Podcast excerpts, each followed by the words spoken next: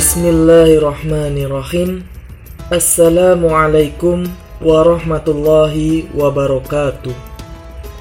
Alhamdulillah Alhamdulillahi rabbil alamin. Wabihi nasta'in.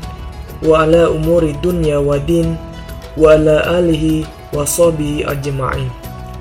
Qala rabbi israhli sadri Wa yassirli amri Wahlul uqdata min lisani Yafqa'u qawli Amma ba'du Gimana kabar teman-teman semua? Semoga selalu sehat dan selalu berada dalam lindungan Allah Subhanahu wa taala. Amin amin ya robbal alamin.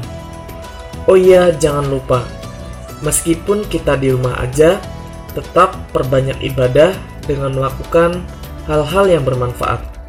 Seperti tadarus Al-Qur'an, membantu orang tua, ataupun kegiatan-kegiatan yang lainnya. Tak terasa nih, Ramadan sudah mau berakhir. Rasanya sedih, tapi juga seneng. Sedih mau ditinggal bulan Ramadan, tapi juga seneng bisa mencapai hari kemenangan, yaitu Idul Fitri. Oh ya teman-teman, biasanya ketika Idul Fitri, kita sholat itu. Gimana sih pelaksanaan sholat id yang dilakukan di rumah dalam suasana seperti ini? Tuntunan sholat Idul Fitri di tengah pandemi ini berdasarkan edaran PP Muhammadiyah nomor 04 garing EDR garing I titik 0 garing E garing 2020 tentang tuntunan sholat Idul Fitri dalam kondisi darurat COVID-19 yaitu sebagai berikut.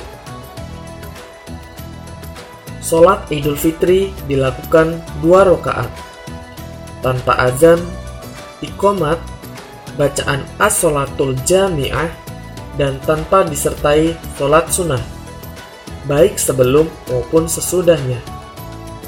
Takbir sholat idul fitri Pada rokaat pertama, sesudah takbiratul ikhram tujuh kali, dan pada rokaat kedua, sesudah takbiratul qiyam atau iktiqol lima kali dengan mengangkat tangan pada semua takbir yang tujuh kali dan lima kali tersebut.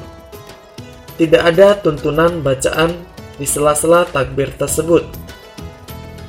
Sesudah membaca Al-Fatihah, imam membaca surat Al-A'la atau surah Qaf pada rokaat pertama dan surat Al-Ghosiyah atau surah Al-Qamar Iktarobatis Sa'ah pada rokaat kedua atau sesuai kemampuan imam di masing-masing keluarga. Khutbah id dilakukan sesudah sholat id. Hanya satu kali khutbah, yaitu tidak diselingi dengan duduk antara dua khutbah. Khutbah dimulai dengan tahmid, membaca Alhamdulillah, tidak dengan takbir. Tapi dalam khutbah id, memang diperbanyak menyelingi dengan takbir khutbah, diakhiri dengan doa, dengan mengangkat jari telunjuk tangan kanan sebagaimana pada khutbah Jumat. Demikianlah tuntunan sholat Idul Fitri di tengah COVID-19 ini. Meskipun di rumah, ibadah harus tetap jalan ya.